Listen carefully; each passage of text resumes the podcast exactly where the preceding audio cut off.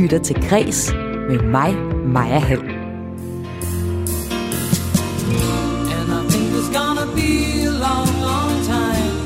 Elton Johns Rocketman, det strømmer ud af bilradioen, da journalist og forfatter Tony Worm rejser rundt i Kalifornien for at forstå den far, der forlod ham som barn.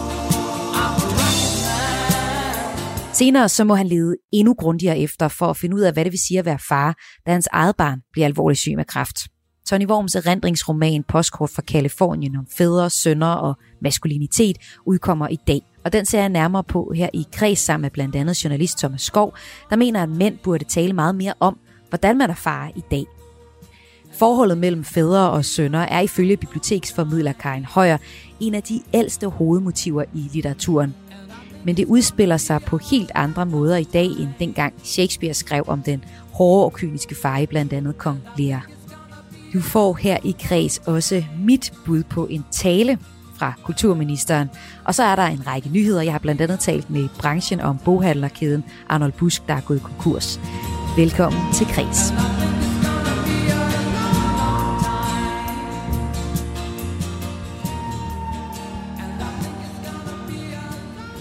Kulturministeriet søger en ny taleskriver for kulturminister Joy Mogensen. Og det synes jeg lyder som en rigtig god idé. Og jeg vil faktisk gerne komme med mit bud på øh, den tale, jeg synes, Joy Mogensen burde have holdt. Det er ikke, fordi jeg er den helt store øh, taleskriver, men øh, Joy, hun har jo egentlig allerede givet et ret kraftigt hint til, hvor jeg finder inspiration til at skrive talen. Og inspirationen kommer selvfølgelig fra det ifølge Wikipedia næst mest solgte compilation album i Danmark i 1993, Absolute Music 2. Så her er mit bud på en tale fra Joy Mogensen, kulturminister i Danmark, til kulturen. Kære kultur, kære kunstnere, kære branche. Vi er familie. Jeg har alle søstrene med mig. Vi er familie.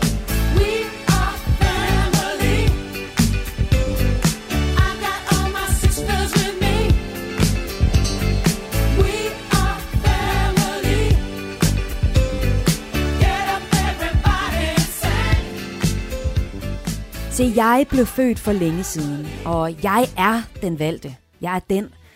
Jeg er kommet for at redde dagen, og jeg vil ikke forlade dig, før jeg er færdig.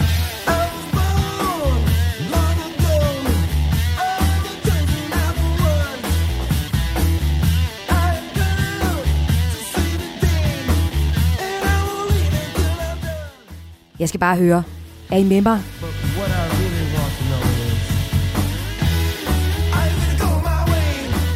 Selvfølgelig er I det. For vi er familie. Men jeg forstår, at I har tvivlet. For jeg ved ikke meget. Jeg ved ikke meget. Meget om kærlighed.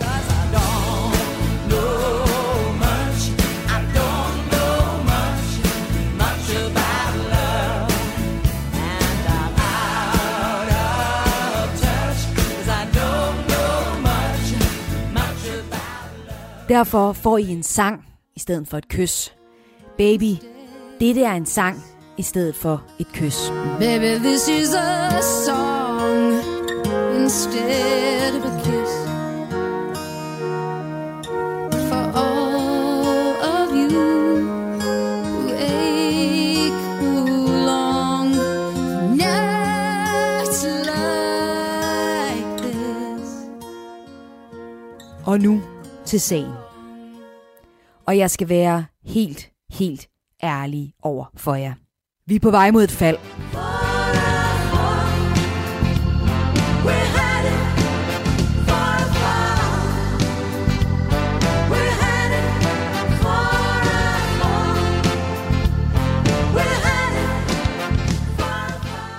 Og nu er jeg altså helt ærlig.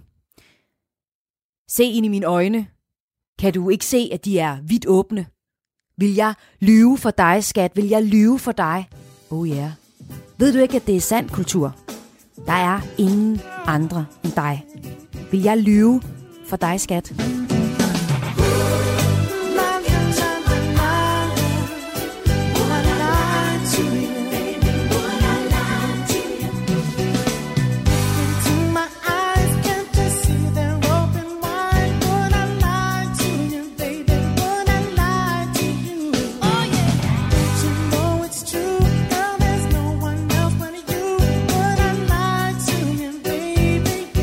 Så lad trylleformularen brydes. Bryde den greb om vores sind. Lad det gå fra vores liv. Lad trolddommen brydes. Hvert hjerte slår det samme.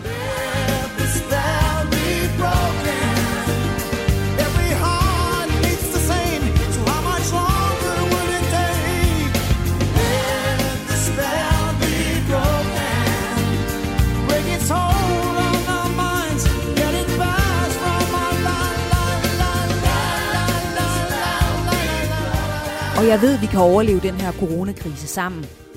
Jeg har ikke mange penge med til jer, men jeg vil kæmpe til sidste blodstråbe for dem, der er. For vi er familie. Og jeg har alle mine søstre med mig.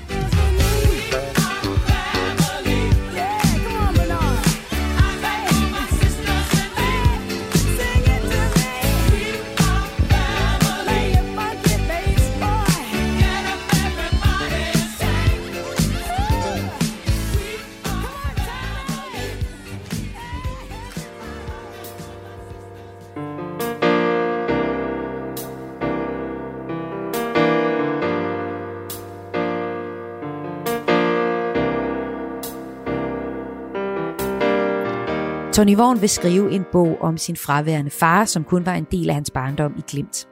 Han rejser derfor rundt til farens tidligere opholdssteder, som f.eks. Paris, Holland og Kalifornien, mens han lytter til musik som Elton Johns Rocketman og prøver at forstå, hvorfor faren forlod familien. Da hans egen søn får konstateret kræft, bliver bogen om en fraværende far lagt på hylden. Men hver gang Tony åbner notesbogen for at skrive om sin søn, så trænger farens historie sig på. For det kan være svært at være en god far, når man ikke har nogen at spejle sig i, og når ens egen far ikke har været det bedste eksempel på at være en far. Det fortalte Tony Vaughn, da jeg talte med ham tidligere. Det er, det er at, at de ting, som, øh, som vi skal kunne som fædre, og som vi vil som fædre i dag, øh, ikke er noget, vi har kunne lære af andre generationer af fædre. Altså det der med at være nærværende, at kunne sidde og lege med, med vores børn i lang tid ad gangen, øhm, og ikke kun tænke på vores egen karriere eller vores egne øh, rejser rundt omkring. I mit tilfælde var min far jo meget rejseløst, når han boede i Kalifornien i en overrække, hvor han var med til at sende rumraketter op og den slags. Øhm, det er det, jeg har lært af ham, og, og, og det tror jeg også andre generationer af mænd, eller andre mænd i min generation har lært. Vi er jo den første skilsmisse, øh, øh, store skilsmisse-generation, også mænd på omkring 50. Så vi har aldrig lært vores far, dertil har vi aldrig lært vores far at kende rigtigt, fordi han var væk på en eller anden måde. Det skal sådan siges, at, at, at det tror jeg egentlig også er tilfældet for kvinder. Men der har de altså bare den, der har de det, det, at de kan kigge på deres mor og sige, godt, øh, så må vi jo gøre som hende. Og, og, og hun har jo i tidligere generationer været nærværende. Derved ikke sagt, at, at de ikke også har deres problemer med, fordi der er jo også stillet nye krav til moderne kvinderolle, øh, som også skal ud og, og have karriere og, og vil det selvfølgelig. Men for mig var der bare slet ingen sted, jeg kunne kigge hen. Så det, det blev virkelig noget, jeg måtte selv opfinde. Og det syntes jeg egentlig, jeg havde opfundet indtil indtil jeg så skal bo inde på øh, børnekraftafdelingen og finder ud af, at alt i min krop skriger bare for, at lad os nu komme ud og få noget kaffe, eller hvis jeg bare kunne tage 50 armbøjninger, så var den smerte væk. Det fun- sådan fungerer det bare ikke øh, længere, hvis man vil være en, en nærværende forældre.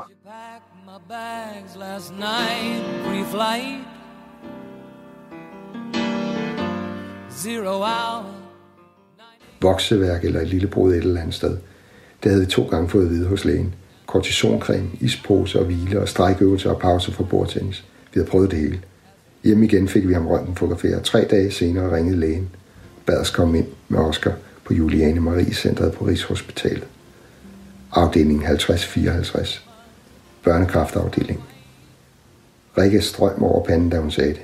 Jeg lå og læste på sofaen. Jeg kan ikke huske, hvad jeg læste. Og jeg kan heller ikke huske, om solen skinnede, eller om det pissede ned eller hvilken dag det var, eller hvad klokken var, eller om Alberte var hjemme, eller hvad Oscar lavede, eller hvad vi fik resten af dagen til at gå med. Folk siger altid, at de kan huske alverdens sære detaljer for den slags dage. Kennedy stod mordet på Palme, 9-11 og det hele, murens fald og EM-finalen. Men det var ikke tilfældet her. Alt andet end min søn fortonede sig, og jeg blev iskoldt indeni. Vi viskede til hinanden, Rikke og jeg. Oscar har skudt af kraft.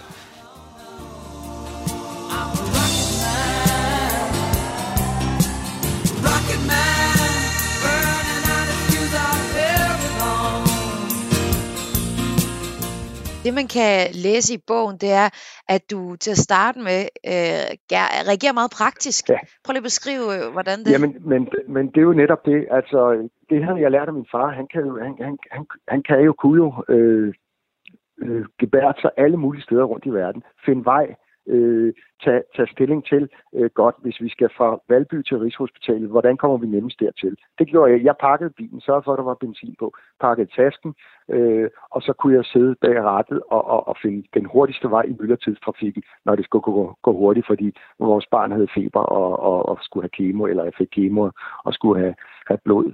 Øh, så kunne vi komme derind på ingen tid, selvom det var myldretid. Det var sådan nogle ting, sådan nogle praktiske sager, jeg, jeg kunne finde ud af. Mens det mere følelsesmæssige, måtte jeg sige, altså, og nu overdriver jeg lidt, der måtte jeg give op i starten. Det var så noget, jeg blev nødt til at lære mig selv. Og det kommer helt naturligt og mange, fordi folk har jo ofte sagt, hvordan kunne I klare det? Og her taler jeg også om min, min ekskone. Men det spørgsmål stiller man ikke sig selv, man gør det bare. Så der er ikke noget heroisk eller noget som helst i at, i at, i at være forældre inde på børnekraftafdelingen. Du gør det, der skal til. Så bagefter kan du efterrationalisere eller, eller give slip på nogle følelser. Øh, og her også finder jeg ud af, altså, vi, vi skiftedes jo til at være der øh, med vores barn. Og, og, og der bliver du jo nødt til at putte. Du bliver nødt til at skifte tøj af den ene eller den anden grund på, på, på dit barn, og, og så videre. Det er jo, det er jo ikke det var nok ikke ting, min far, eller min, i hvert fald min farfar, nogensinde har prøvet at gøre. Igennem bogen, der, der går du til at blive mere nærværende og mere omsorgsfuld ved blandt andet at, at måske se lidt efter din, øh, din kone.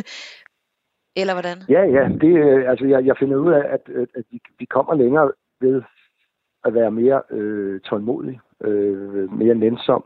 Og det gælder både over for børnene, altså mit barn.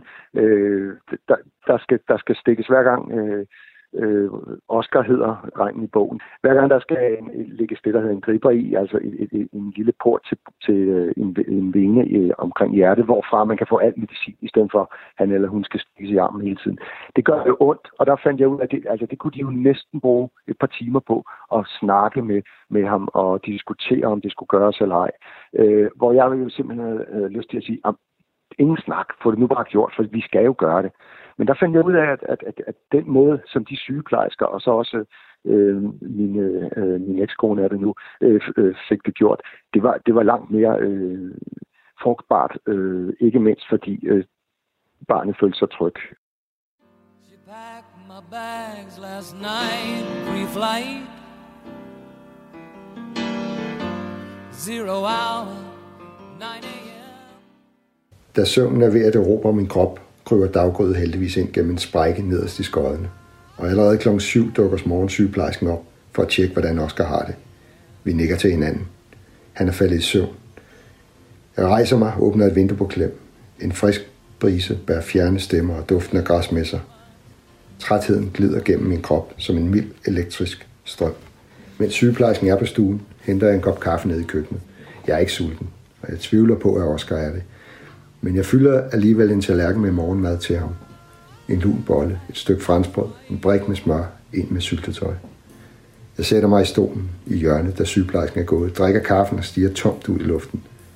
Jeg skal være på stuen til klokken 7 samme aften, fordi de andre er til fødselsdag hos Albertes kusine. Jeg har været der siden i går morges. 24 timer i træk forløbig. Jeg tror aldrig, at min far har befundet sig så længe på samme sted, og jeg mindes heller ikke, at jeg selv har prøvet det før. Jeg bilder mig ind, at det gør en forskel, at jeg er her. At en søn har brug for en far.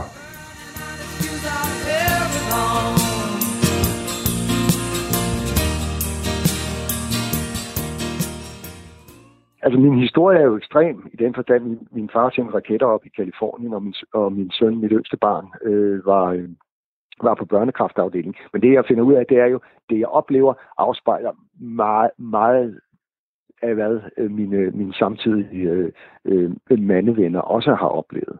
Med, med, en, med en far, der var væk med et spørgsmål om, hvordan skal vi agere i, i som moderne mænd. Fordi et, en ting er kravene, og, og dem kan vi altid diskutere. Der, der er krav til alle, der er også krav til kvinder og sådan noget. Men, men vi vil jo også gerne, altså vi vil jo gerne være øh, gode fædre og, og nærværende fædre, men vi har lidt problemer med det nogle gange måske. Og øh, Tony, du nævner flere steder i bogen, at lige så firkantet, forklarer jeg det nu, eller siger, kalder jeg det nu, ikke? At, øh, at, øh, at mænd er øh, i sådan en presset situation. Lige så firkantet er systemet også over for øh, kvinder og for morrollen. At systemet faktisk forfordeler moren. Hvordan oplevede du det? Øh, ja, men det, det, Ja, altså vi generaliserer jo groft lige her, og det skal jeg sige, jeg, har, jeg har ikke noget at klage over overhovedet. Øh, og, øh, og, øh, men, men jeg oplever, øh, når, når jeg eksempelvis kører mit barn øh, til, til kemo eller til scanninger eller noget, og resultaterne kommer, så ringer de til moren. Øh, vi er blevet skilt siden, så det er, men det er moren, de ringer til. Når vi sidder derinde til møder med læger og den slags, så er det moren, de kigger på. Øh, og det gælder både kvinder og mænd. Så når jeg siger, at jo, vi er en generation af, af mænd, der er vokset op, og, og vi er egentlig indstillet på, at der skal være ligestilling, så er der noget strukturelt, øh, noget, noget kulturelt, øh, der simpelthen har, der, der har så stærke rødder, at det er ikke nok, at individet vil, vil ændre det eller prøve at opføre sig ordentligt. Det er hele systemet, der stadig er indstillet på, at, at mødre er mere nænsomme. Så hvis du vil tale om noget nænsomt, så er det, så er det, så er det moren, du, du kigger på og snakker med sagde journalist og forfatter Tony Worm, der udkommer med erindringsromanen Postkort fra Kalifornien i dag.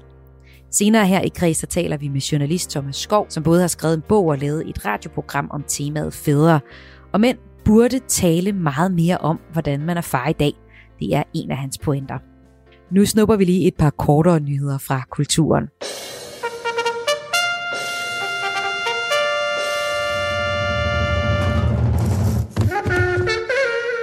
Prestigefyldte festivaler vil vise film gratis på nettet. Altså filmfestivaler, de er jo egentlig primært for pressen og branchen, men øh, coronapandemien gør, at de er aflyst, og så bliver åbnet for alle os andre. Fordi aflysningen af flere filmfestivaler har fået de her festivaler til at gå sammen om en online festival, hvor filmene kan ses af almindelige dødelige gratis på YouTube. Det skriver nyhedsbyrået Reuters.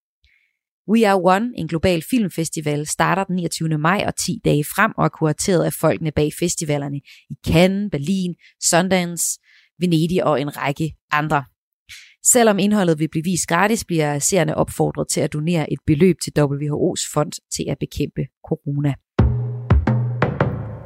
DR er politianmeldt for Jan Graups dokumentar familiemedlemmer er nemlig krænket over, at dokumentaren Krigsfotografen indeholder optagelser fra en bisættelse, uden at de har givet deres samtykke, skriver filmbladet Eko. Boris B. Bertrams dokumentar Krigsfotografen viser, hvordan Jan Graup tager hånd om sine teenagerbørn, da hans ekskone, journalisten Sasha Sekher, får kraft i hjernen og dør efter et langt sygdomsforløb.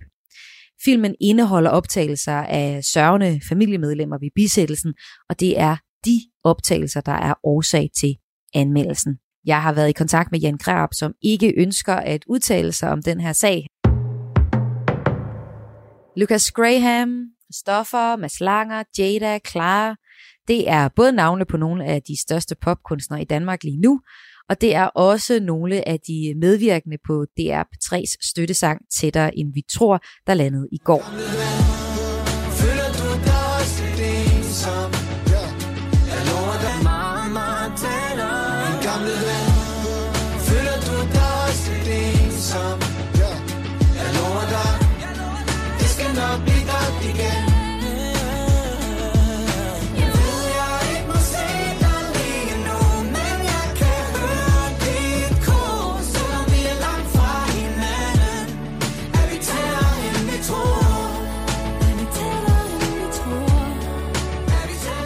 Overskuddet fra sangen bliver doneret til UNICEFs arbejde med børn og unge under coronakrisen. Det er ikke overraskende, at boghandlerkæden Arnold Busk er gået konkurs, lyder det fra forlaget Gyldendal. For bogmarkedet er på vej til at rykke online. Den pointe afviser Boghandlerforeningen. Ifølge næstformand i interesseorganisationen Danske Forlag og administrerende direktør i Gyldendal, Morten Hesseldal, er tendensen, at den fysiske boghandler er presset på grund af det online marked.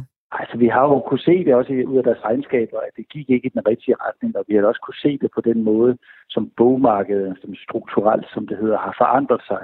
Altså sidste år, der solgte vi flere digitale enheder øh, på Gyldendal, end vi solgte øh, trygte bøger, øh, og man har kunne se, hvordan streamingtjenester og nethandlen har vundet frem, og øh, det har ikke helt virket som om, at Busk har knækket nøden på, hvordan man bliver en moderne øh, boghandel. Altså, hvor man har kunne kombinere digital salg med fysiske butikker. Det er som om, man har holdt meget fast i den gamle øh, model, øh, og, og det kan bare være svært, når verden forandrer sig, at publikum sådan efterspørger bøger på en anden måde, og det kan vi jo tydeligt se. Så måske er det også det, det de er kommet i klemme af. Vil du vurdere som næstformand i interesseorganisationen Danske Forlag og administrerende direktør i, i Gyldendal, at Arnold Busk altså, gik hårde tider i møder, møde uanfægtet af, af coronakrisen, altså måske også vil gå konkurs øh, om nogle år under alle omstændigheder? Ja, det, det skal jeg ikke kunne vurdere, men jeg kan sige, at, at alle i bogbranchen jo er i nogle hårde tider i den forstand, at vi jo skal tænke meget anderledes. Altså det, at, at, at folk de går til litteratur på en helt anden måde, end man gjorde for 20 år siden, det gør jo også, at vi skal udvikle litteratur på forlagene på en anden måde, og man skal sælge den på en anden måde.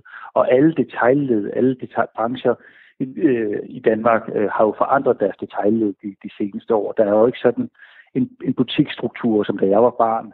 Så det er jo, det er jo selvfølgelig også noget, der påvirker den danske boghandel.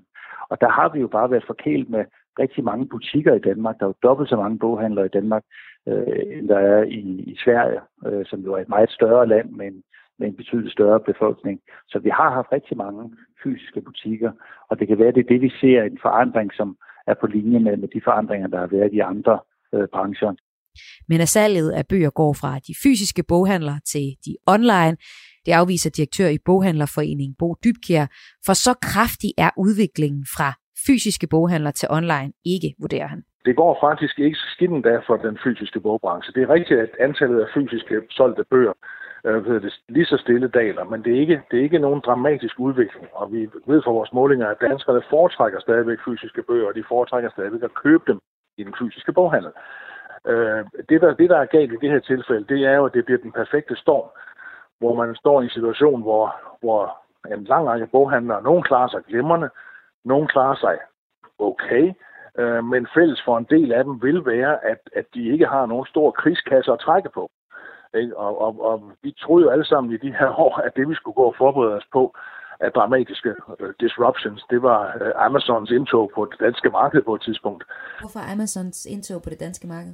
Altså, Amazon har jo ikke, er jo slet ikke inde på det nordiske marked endnu for alvor, uh, og i det øjeblik, de går ind med, med danske eller nordiske hjemmesider og distributionscentre osv., så, videre, så, så er, er hele detaljhandlen jo under et helt nyt pres, uh, og, og, og også boghandlerne vil opleve, at at, at Amazon vil kunne gå ind og, og trykke priserne ganske gevaldigt. Øh, så, så det, er en, det er en bekymring, som, som man kan sige, mange i branchen har haft i lang tid. Men det er det, jeg mener, at øh, coronakrisen har sådan set bare øh, speedet processen op for de fysiske boghandlere.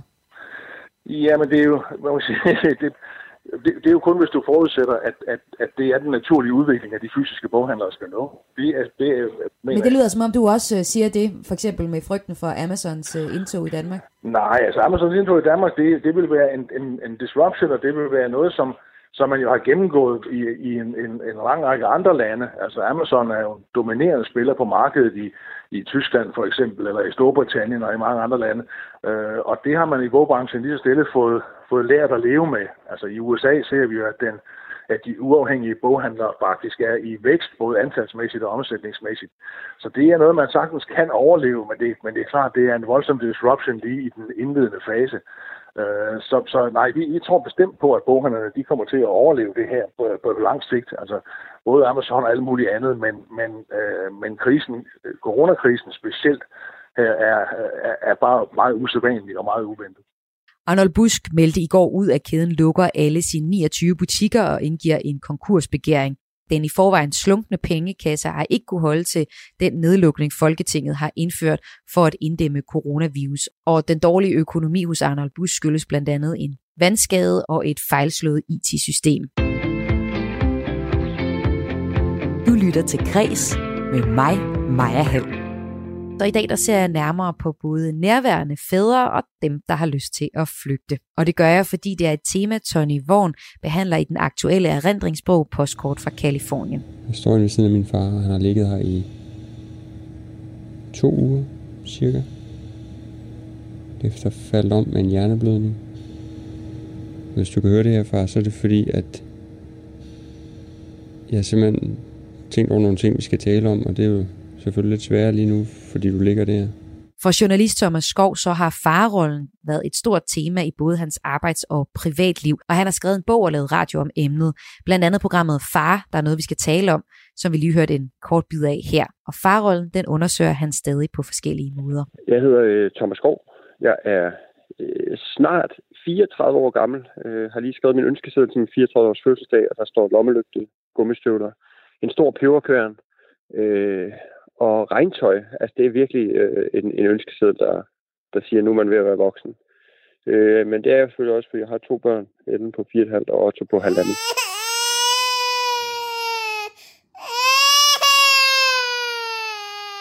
Jamen, at blive far, det var øh, nyt, øh, spændende, øh, en, til tider uoverskueligt og, og klaustrofobisk. Men øh, mest af alt har det været, øh, har det givet en eller anden en, en ny dybde i tilværelsen. Jamen, jeg synes lige pludselig, at der er ting, der, der, der giver meget bedre mening, og ting, der slet ikke giver mening længere, som jeg kunne bruge oceaner af tid på at gå op i tidligere. Øhm, og og det, det fungerer også som, som ligesom ingefær gør mellem sushi-stykker. Altså, du kan have en dårlig dag, og så kan du komme hjem, og så, så dine børn, de gør et eller andet helt fjollet, og, og, og smiler til dig, jamen så er hele systemet renset. Altså, så, så starter du ligesom på en frisk. Øhm, og lige med ingefær var et enormt dårligt billede, men det var bare det der med, at lige pludselig er der noget, som ligesom kan, kan skubbe alt andet i, i baggrunden. Og vi skal også lige høre, hvordan du reagerede, dengang du fik at vide, at du skulle være far. Jo, altså vi havde, øh, vi var lige blevet gift. Så havde vi tænkt, nu skal vi, nu skal vi, nu er det simpelthen, nu er det det, vi skal prøve. Og så gik der øh, ikke så lang tid. Det, det gik overraskende hurtigt, og det var, det var vildt. Men det var også en helt bizarre situation, fordi vi, vi passede en gris på det tidspunkt. Øhm, så vi havde en gris i lejligheden, og lige pludselig så følte Emilie, hun var blevet gravid, og, og, eller hun, hun mærkede noget mærkeligt, og tog en test, og så var hun gravid. Og, og, og der er bare sådan et billede af, at vi, vi ligesom sender et billede ud til familien om, at, at, at der simpelthen, vi, vi skal have et barn. Og der ligger en gris på det billede, og der er en graviditetstest med de to streger. Altså, det var, det var helt bizart set op. Så på en eller anden måde blev den der gris lidt en prøvebaby for os. Øhm, vi havde den godt nok kun i halvanden måned, men altså, det, det var sådan en, øh, en underlig situation. Men inden i mig var jeg selvfølgelig øh, spændt og, og, og fyldt af, af, af glæde og begejstring, og, og også uvidenhed om, hvad der, hvad der ventede. Emilie, hun har altid gerne vil have børn og har glædet sig til det stort set hele sit liv. For mig er det ikke noget, jeg har tænkt over, før jeg var et eller andet sted i, midt i 20'erne, at det, at det kunne man selvfølgelig også. Øhm, men, men var jo vildt glad. Men vi bliver altså også bare lige nødt til at høre, hvorfor havde I en gris i lejligheden? Jamen, da vi havde en gris, var det fordi, jeg var, øh, jeg, jeg var ansat på DR3 på det tidspunkt, som var berømte for at, at, at lave nogle lidt fjollede ting engang imellem. Jeg, jeg prøvede også selv faktisk, apropos snakken her, at lave noget, der hed mandefødslen, hvor jeg, hvor jeg skulle føde et barn. Så, så fire timer direkte på DR3 øh, havde jeg spændt sådan en maskine på min, øh, på min mave, som, som kunne simulere samme smerter, som VR giver. Men rumpen skal jo være her. Ja, men det er også rigtigt. Hvis jeg var gået i min fars spor og blevet revisor, ja. så tror jeg ikke, jeg havde haft sådan en aften her.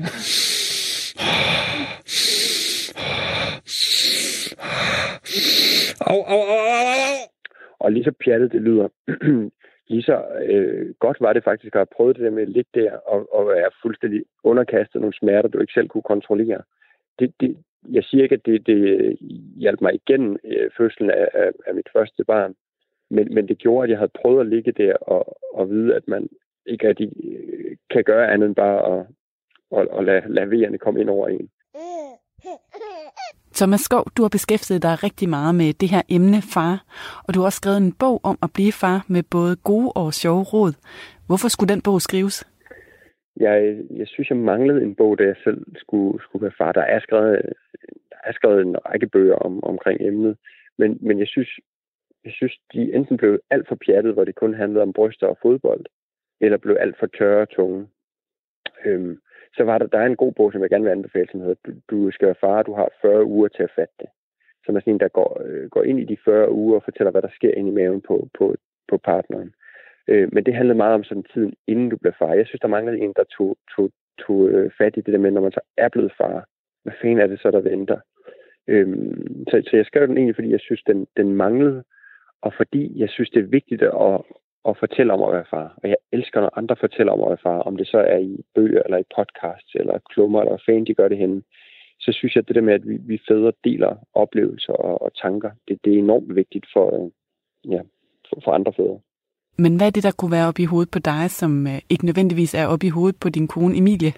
Men jeg tror, at på en eller anden måde, så, så, øh, så er det som om, at, at samfundet og, og nogle møder og nogle fædre tænker, at mor er bedre til at, at have med børn at gøre end far. Øh, så det der med tanker om at føle sig øh, dum er måske et hårdt ord, men det der med øh, tanker om, kan jeg, kan jeg finde ud af det her? Jeg er jo en mand. Kan jeg finde ud af at håndtere et lille barn? Altså sådan nogle tanker er jo af gode grunde ikke op i hovedet på, på en mor.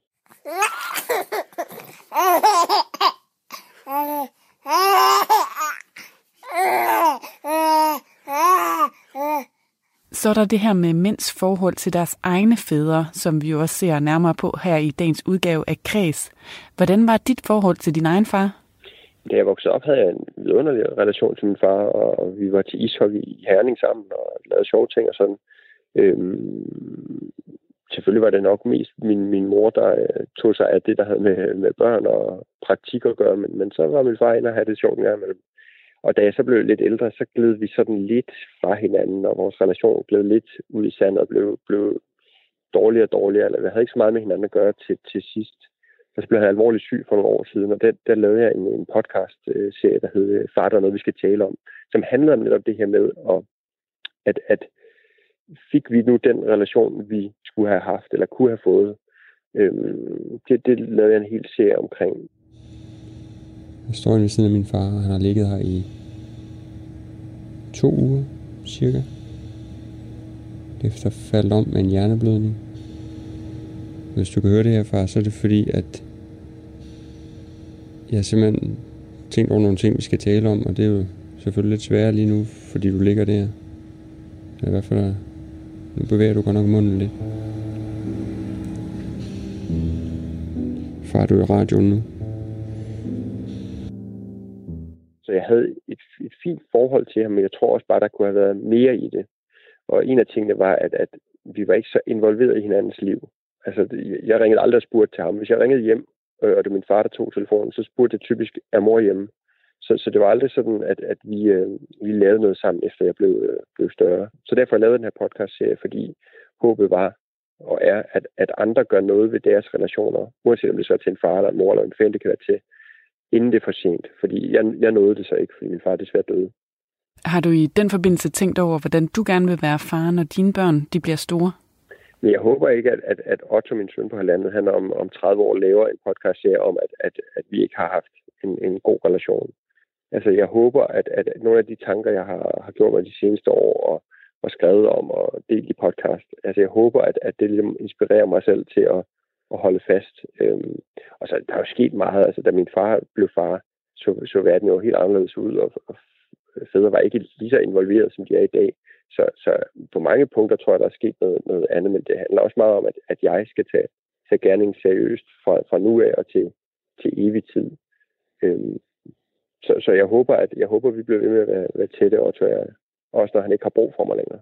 Vi har jo startet med at kigge på det her forhold mellem fædre og sønner, fordi Tony Worm kommer ind på det i uh, sin nye udgivelse Postkort fra Kalifornien. Uh, øh, og han peger på, at det for ham har været svært at være far, fordi han netop ikke føler, at han kan lade sig inspirere af den måde, hans egen far agerede på. Kan du genkende noget i det? Det kan jeg sagtens genkende. Altså, øh, der, der er gode ting, jeg tager med fra, fra min far, men der er også nogle ting, hvor jeg tænker, at det skal jeg gøre på en helt anden måde. Øhm, og det er også derfor, jeg er så vild med at, at læse andre fædres tanker på blogs, eller følge andre fædre på Instagram, som ligesom på en måde lever af at være fædre, eller i hvert fald deler meget fra deres farliv. Altså for det der med at se, hvordan andre gør det, det, det, det er med til at inspirere øh, mig i højere grad end, end, end at kigge tilbage på, hvordan min far gjorde i, i slut 80'erne. Sagde journalist Thomas Skov til min kollega Lene Grønborg Poulsen. Senere i programmet fortæller biblioteksformidler Karina Højer om farmotivet i litteraturen gennem historien, og så anbefaler hun tre gode bøger, der alle kredser om fædre og deres børn. I sidste uge der søgte jeg lyttere, som havde lyst til at komme med til en koncert med ham her. Du er smuk selv med hvide tennissokker make For du er smukkere end smuk,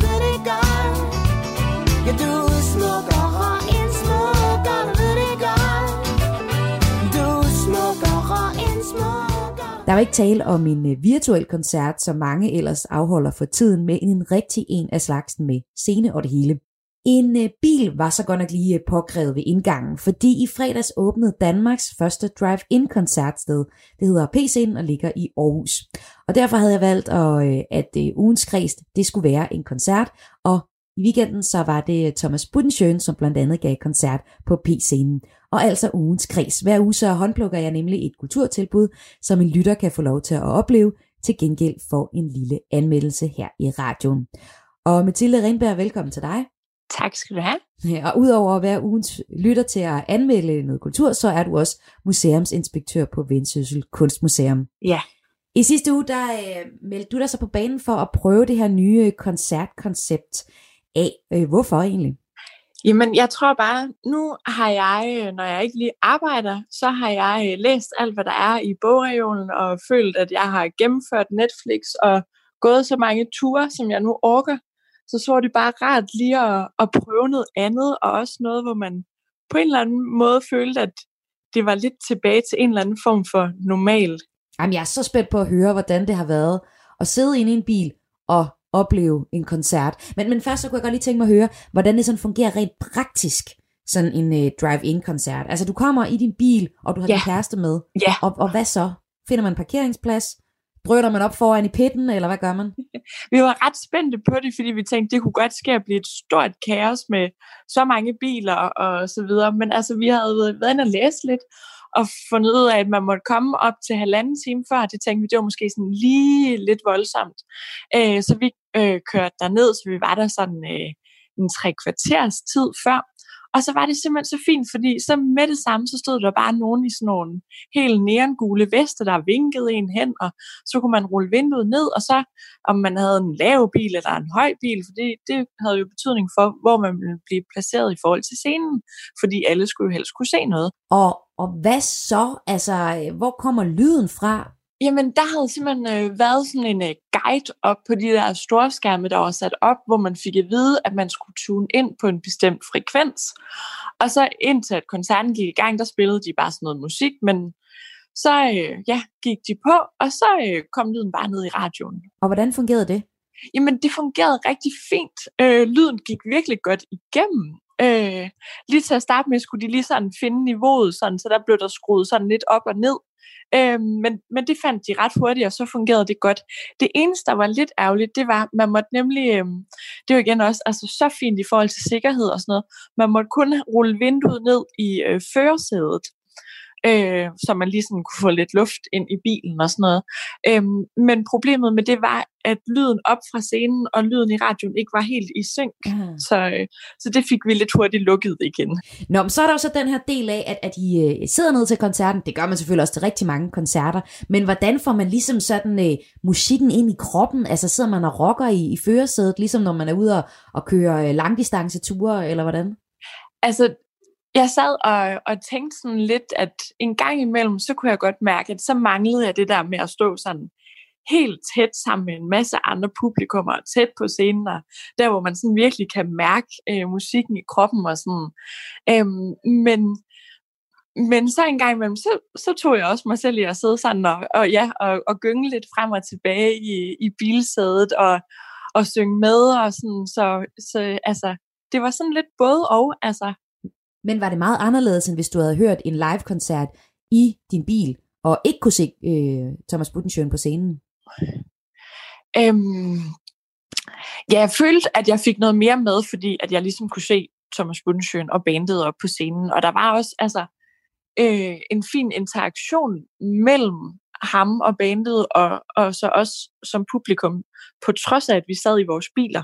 Fordi de havde nemlig gjort det, at de havde øh, lavet et Zoom-møde, som man kunne øh, klikke sig ind på og deltage i. Og så var det simpelthen sådan, så at øh, de kunne ringe ud til, til nogle af dem øh, i bilerne og snakke med dem. Så. Okay, så man kunne simpelthen snakke med Thomas Budensjøen og bandet? Altså, ja. der, hvad, hvad snakkede I om? Eller? Jamen, øh, altså, jeg, jeg deltog ikke lige. Øh, jeg skulle ikke lige have mit øh, ansigt op på sådan en øh, storskærm nede på øh, tankronen i Aarhus.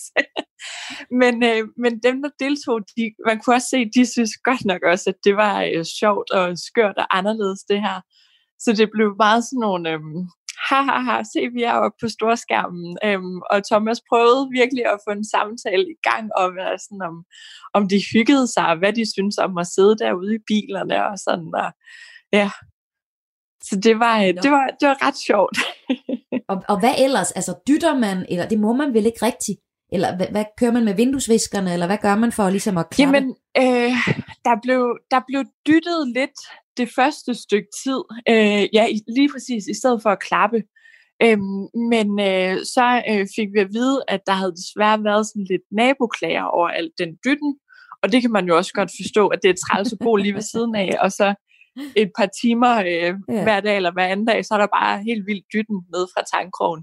Så efterfølgende, så blev det sådan noget med ja, at køre med, med vinduesviskerne og blinke lidt med lygterne, og så igen, man måtte jo have vinduet i førersædet åbent eller rullet ned, så så kunne man jo sidde sådan og, og klappe og huge lidt ud der.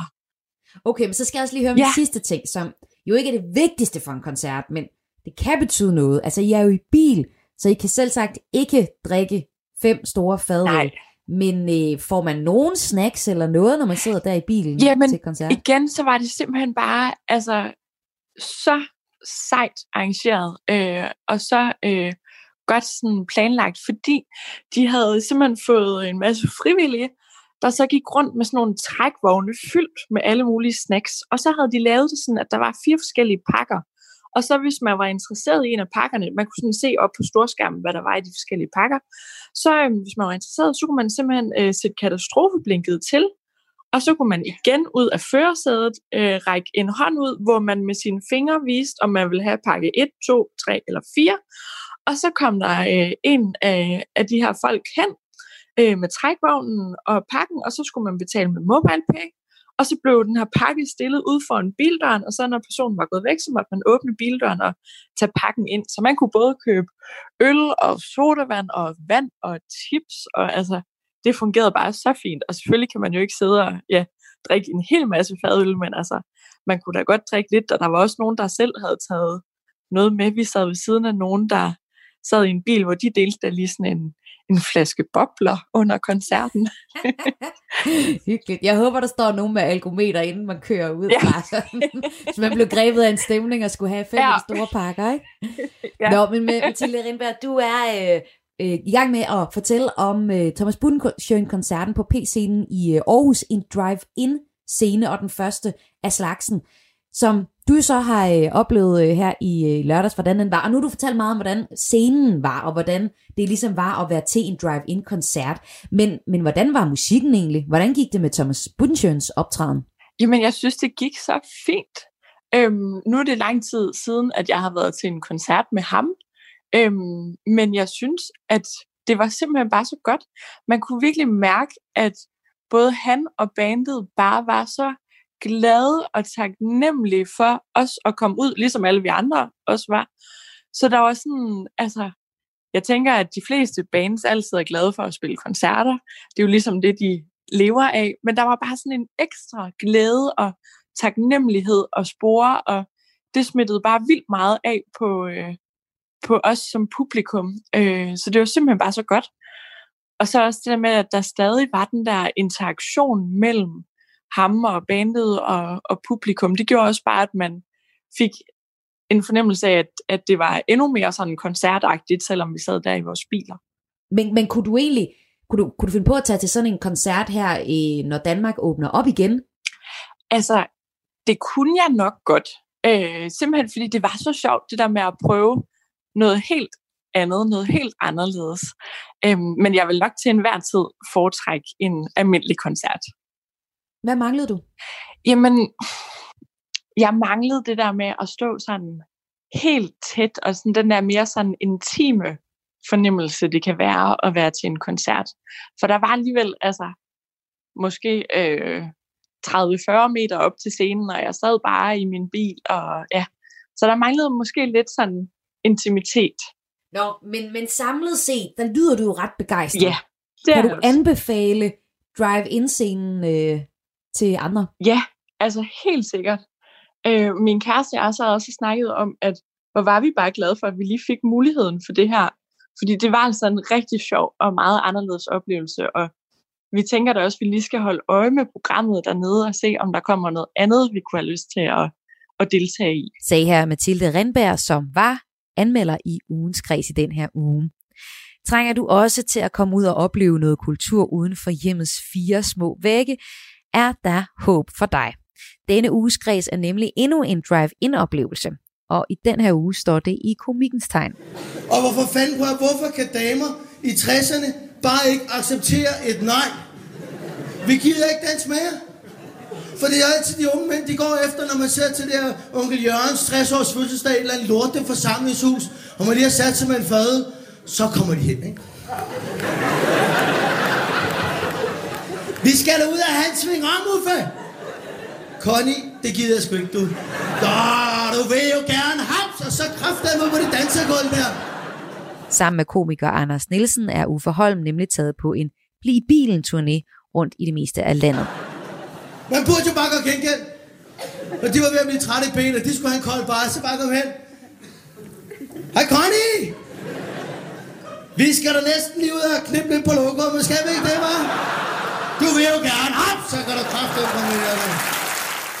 Det fungerer mere eller mindre på samme måde som til drive-in-koncerten, og på lørdag og søndag rammer de København. Og jeg har en billet til en øh, lytter, der kunne tænke sig at komme til det her stand-up show, og det kan indløses en af dagene. Drive-in stand-up showet kræver en bil. Til gengæld kan fem personer så få adgang til billetten, som altså kan blive din, hvis du skriver til mig på kreds radio4.dk, og det er k r a e s radio4.dk hvor skarpere end en slanges tand det er at have et utaknemmeligt barn. Sådan taler kongen til sine børn i Shakespeares gamle klassiker Kong Lear. Her ser vi en far, som både kræver disciplin og retfærdighed, hvilket måske ikke lige er buzzwords inden for nutidens børneopdragelse. Du lytter til Kreds, i dag sagde jeg blandt andet nærmere på farrollen i litteraturen, fordi Tony Worm er aktuel med bogen Postkort for Kalifornien, som undersøger den moderne far. Og det der med far i litteraturen, det er sådan set ikke noget nyt, for fædres problematiske forhold til deres børn er et af de mest grundlæggende temaer i litteraturen, og faktisk meget bedre behandlet end forholdet mellem mødre og døtre. Det påpeger biblioteksformidler Karina Højer fra Rigskov Bibliotek. Jeg tænker egentlig, at far-søn-forholdet er blevet beskrevet utrolig meget igennem litteraturen, sådan op gennem tiden. Jeg kan huske, at jeg engang har læst, at øh, en, jeg tror, det var en professor fra Yale, som sagde, at far-søn-relationen er litteraturhistoriens motor. Hvordan det? Men man kunne jo sige, øh, sige klassiske bibelhistorier, hvor far-søn-relationerne øh, har været udfordret. Og ellers øh, større sådan, øh, nedslag i litteraturhistorien vil være sådan noget øh, med Cormacs øh, ved vejen, eller øh, Døde Poeters Klub, hvor farrollen også spiller en kæmpestor rolle. Øh, og hvis man kigger sådan historisk på det, så er morrollen ikke behandlet sådan super nuanceret i litteraturen før nu, hvor den jo så øh, virkelig behandles sådan ret intens. Og hvad er det for en bølge, du beskriver der? Det er jo egentlig en bølge, der starter helt tilbage i, i 70'erne med, med kvinder som øh, Dietrich Mørk og Tove Ditlevsen, som, øh, som tør at skrive om, at det er svært at blive mor, øh, at øh, det gør ondt, og det er hårdt ikke at få sin søvn, og ens krop bliver fremmed, og der kan ske en hel masse ting. Øhm, og øh, som det er med, med ting, så, så, øh, så, går, øh, så går det jo ofte i ring.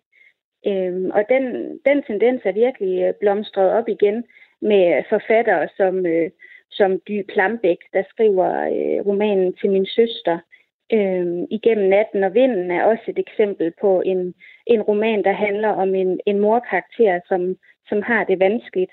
Maja Lukas er også en øh, forfatter, der, der virkelig behandler den her morrolle øh, med en, øh, en ærlighed, der er kæmpestor og meget beundringsværdig, synes jeg. Og så tænker jeg egentlig, at, at den tendens med, med morlitteratur og farlitteratur er egentlig en del af en større bevægelse, både i litteraturen, men også i samfundet. Altså det her med, at, at vi ikke behøver at være så polerede og så perfekte. Vi må gerne vise os, som vi er, når vi er kede af det, eller sure og gale, eller føler os dårligt behandlet. At, at det er okay at vise, øh, om det så er i, i en bog, man skriver om sin far, eller om det er på sin Instagram-konto.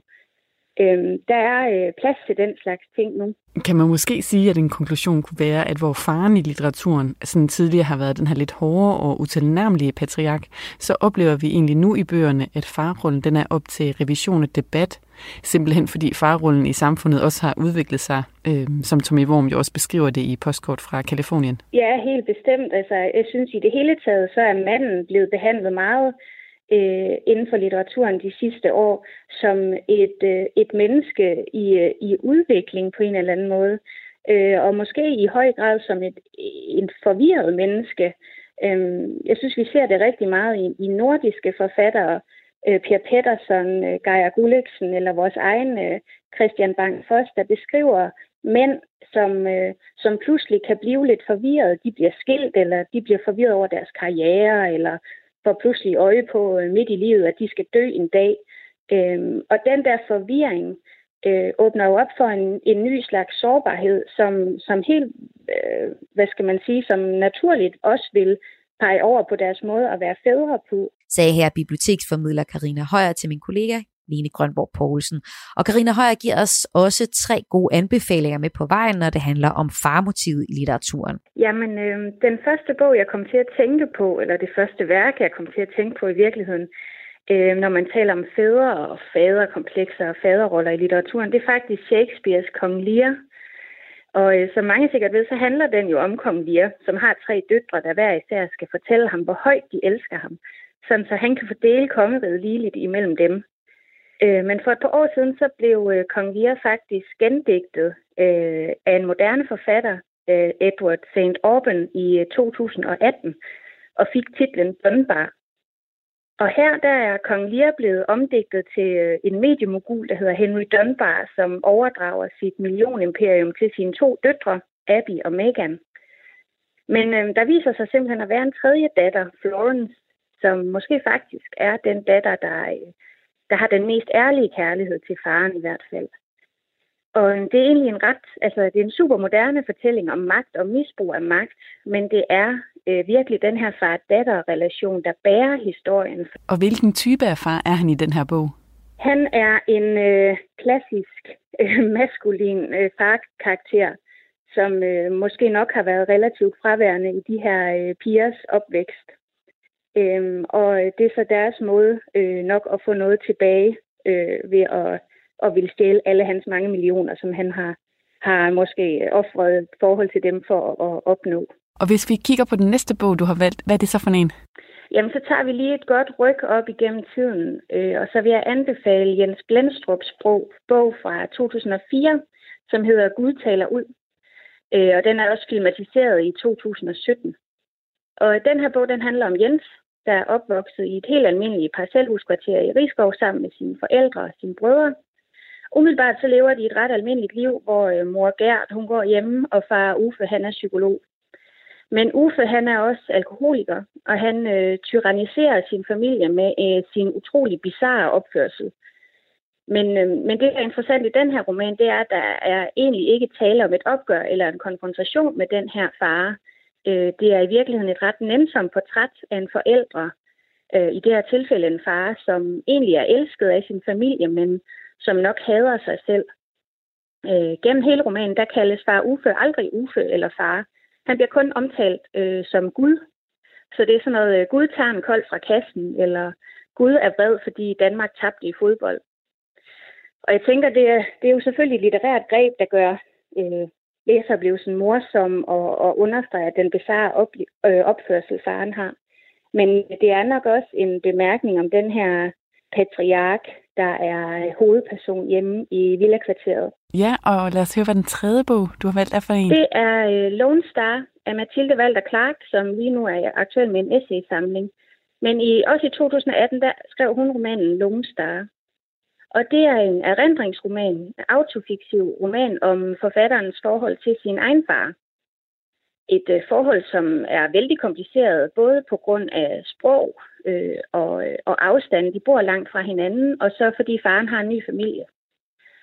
Romanen den er delt i to, hvor at den første del er en erindringsbog, der fortæller om Mathildes øh, mange besøg hos sin far, som er flyttet til Texas den anden del af bogen er en rejsebog, og her følger vi den voksne Mathilde, der tager til USA øh, for at besøge sin far, som jo så nu er blevet gammel, for at dykke dybere ned i sin amerikanske slægt og, og for at blive klogere på sin far.